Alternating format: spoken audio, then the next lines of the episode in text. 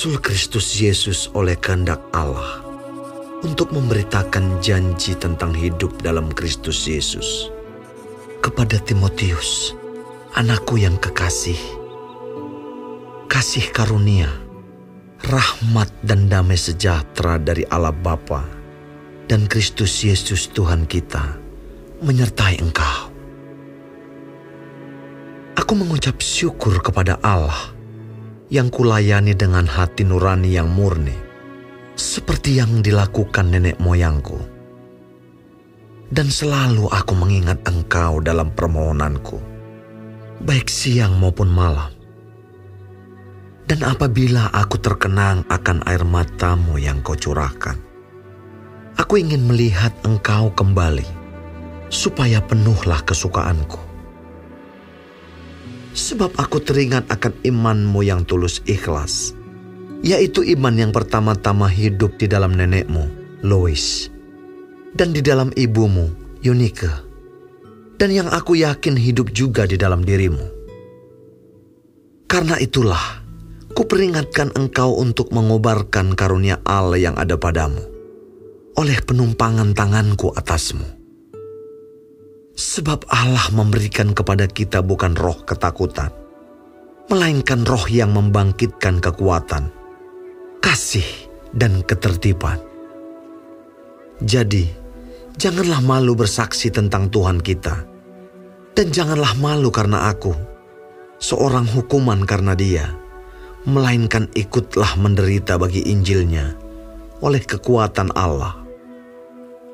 Dialah yang menyelamatkan kita dan memanggil kita dengan panggilan kudus, bukan berdasarkan perbuatan kita, melainkan berdasarkan maksud dan kasih karunia-Nya sendiri yang telah dikaruniakan kepada kita dalam Kristus Yesus sebelum permulaan zaman dan yang sekarang dinyatakan oleh kedatangan juru selamat kita, Yesus Kristus, yang oleh Injil telah mematahkan kuasa maut dan mendatangkan hidup yang tidak dapat binasa. Untuk Injil inilah aku telah ditetapkan sebagai pemberita, sebagai rasul, dan sebagai guru. Itulah sebabnya aku menderita semuanya ini. Tetapi aku tidak malu, karena aku tahu kepada siapa aku percaya, dan aku yakin bahwa Dia berkuasa memeliharakan apa yang telah dipercayakannya kepadaku hingga pada hari Tuhan. Peganglah segala sesuatu yang telah engkau dengar daripadaku sebagai contoh ajaran yang sehat, dan lakukanlah itu dalam iman dan kasih dalam Kristus Yesus. Peliharalah harta yang indah yang telah dipercayakannya kepada kita oleh Roh Kudus yang diam di dalam kita. Engkau tahu bahwa semua mereka yang di daerah Asia Kecil berpaling daripadaku, termasuk Figelus dan Hermogenes. Tuhan kiranya mengaruniakan rahmatnya kepada keluarga Onesiforus yang telah berulang-ulang menyegarkan hatiku. Ia tidak malu menjumpai aku di dalam penjara. Ketika di Roma, ia berusaha mencari aku dan sudah juga menemui aku Kiranya Tuhan menunjukkan rahmatnya kepadanya pada harinya. Betapa banyaknya pelayanan yang ia lakukan di Efesus. Engkau lebih mengetahuinya daripadaku.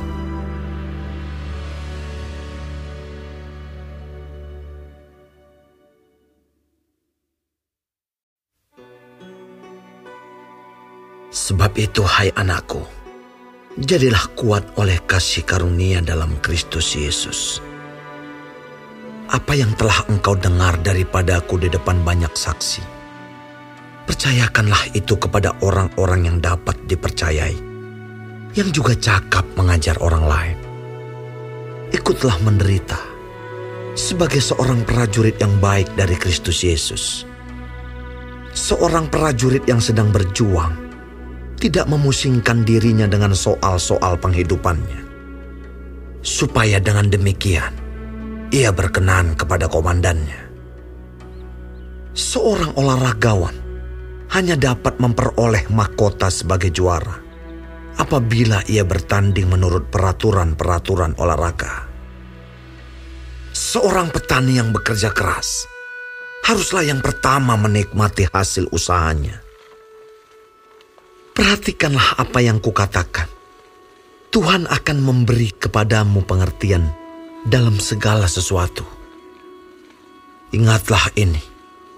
Yesus Kristus yang telah bangkit dari antara orang mati, yang telah dilahirkan sebagai keturunan Daud, itulah yang kuberitakan dalam Injilku.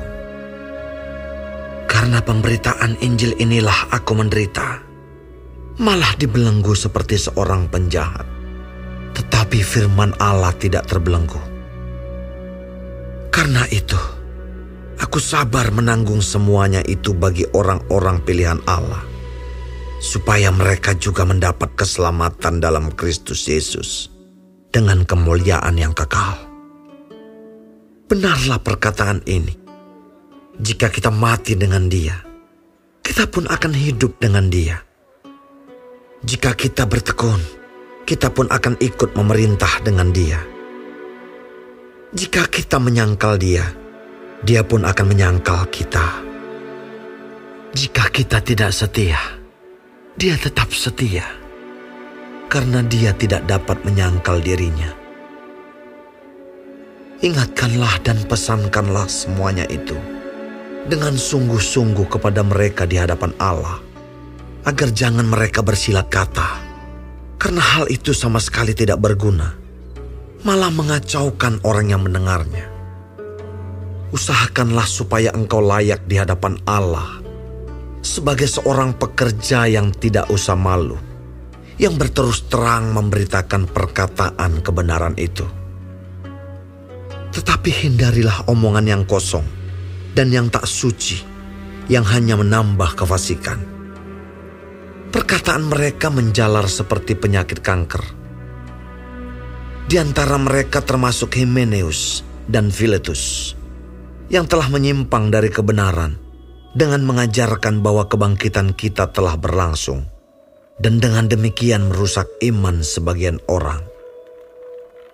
Tetapi dasar yang diletakkan Allah itu teguh dan meterainya ialah Tuhan mengenal siapa kepunyaannya dan setiap orang yang menyebut nama Tuhan hendaklah meninggalkan kejahatan. Dalam rumah yang besar, bukan hanya terdapat perabot dari emas dan perak, melainkan juga dari kayu dan tanah. Yang pertama dipakai untuk maksud yang mulia, dan yang terakhir untuk maksud yang kurang mulia. Jika seorang menyucikan dirinya dari hal-hal yang jahat, ia akan menjadi perabot rumah untuk maksud yang mulia. Ia dikuduskan, dipandang layak untuk dipakai tuannya, dan disediakan untuk setiap pekerjaan yang mulia. Sebab itu, jauhilah nafsu orang muda, kejarlah keadilan, kesetiaan, kasih, dan damai bersama-sama dengan mereka yang berseru kepada Tuhan dengan hati yang murni. Hindarilah soal-soal yang dicari-cari, yang bodoh dan tidak layak. Engkau tahu bahwa soal-soal itu menimbulkan pertengkaran. Sedangkan seorang hamba Tuhan tidak boleh bertengkar, tetapi harus ramah terhadap semua orang. Ia harus cakap mengajar, sabar, dan dengan lemah lembut dapat menuntun orang yang suka melawan Sebab mungkin Tuhan memberikan kesempatan kepada mereka untuk bertobat dan memimpin mereka sehingga mereka mengenal kebenaran. Dan dengan demikian, mereka menjadi sadar kembali karena terlepas dari jerat iblis yang telah mengikat mereka pada kehendaknya.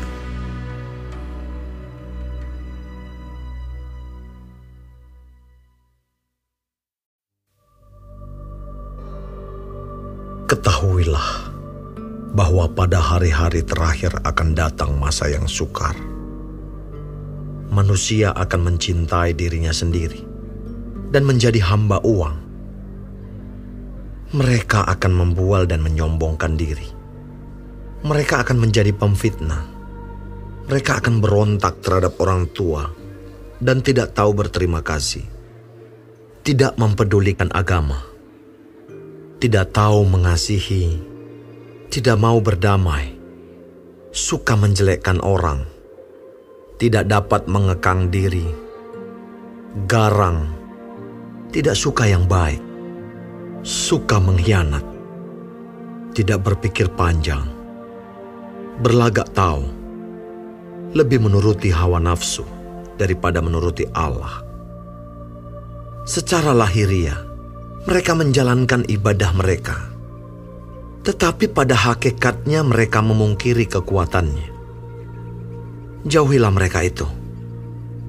Sebab di antara mereka terdapat orang-orang yang menyelundup ke rumah orang lain dan menjerat perempuan-perempuan lemah yang syarat dengan dosa dan dikuasai oleh berbagai-bagai nafsu, yang walaupun selalu ingin diajar, namun tidak pernah dapat mengenal kebenaran.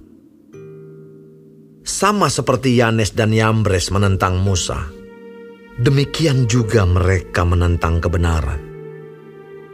Akal mereka bobrok, dan iman mereka tidak tahan uji.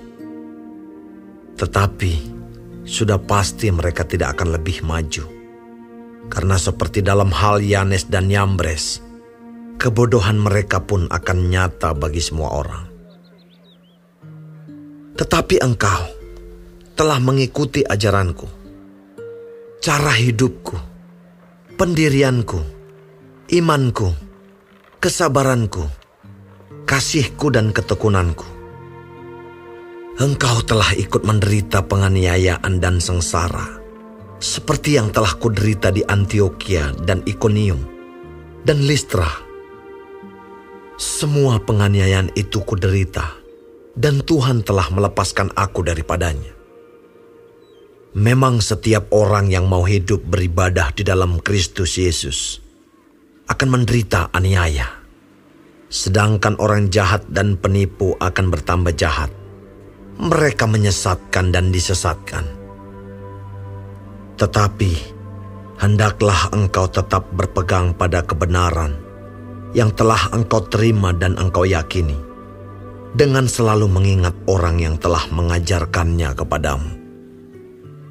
Ingatlah juga bahwa dari kecil engkau sudah mengenal kitab suci yang dapat memberi hikmat kepadamu dan menuntun engkau kepada keselamatan oleh iman kepada Kristus Yesus. Segala tulisan yang diilhamkan Allah memang bermanfaat untuk mengajar, untuk menyatakan kesalahan, untuk memperbaiki kelakuan, dan untuk mendidik orang dalam kebenaran. Dengan demikian, tiap-tiap manusia kepunyaan Allah diperlengkapi untuk setiap perbuatan baik.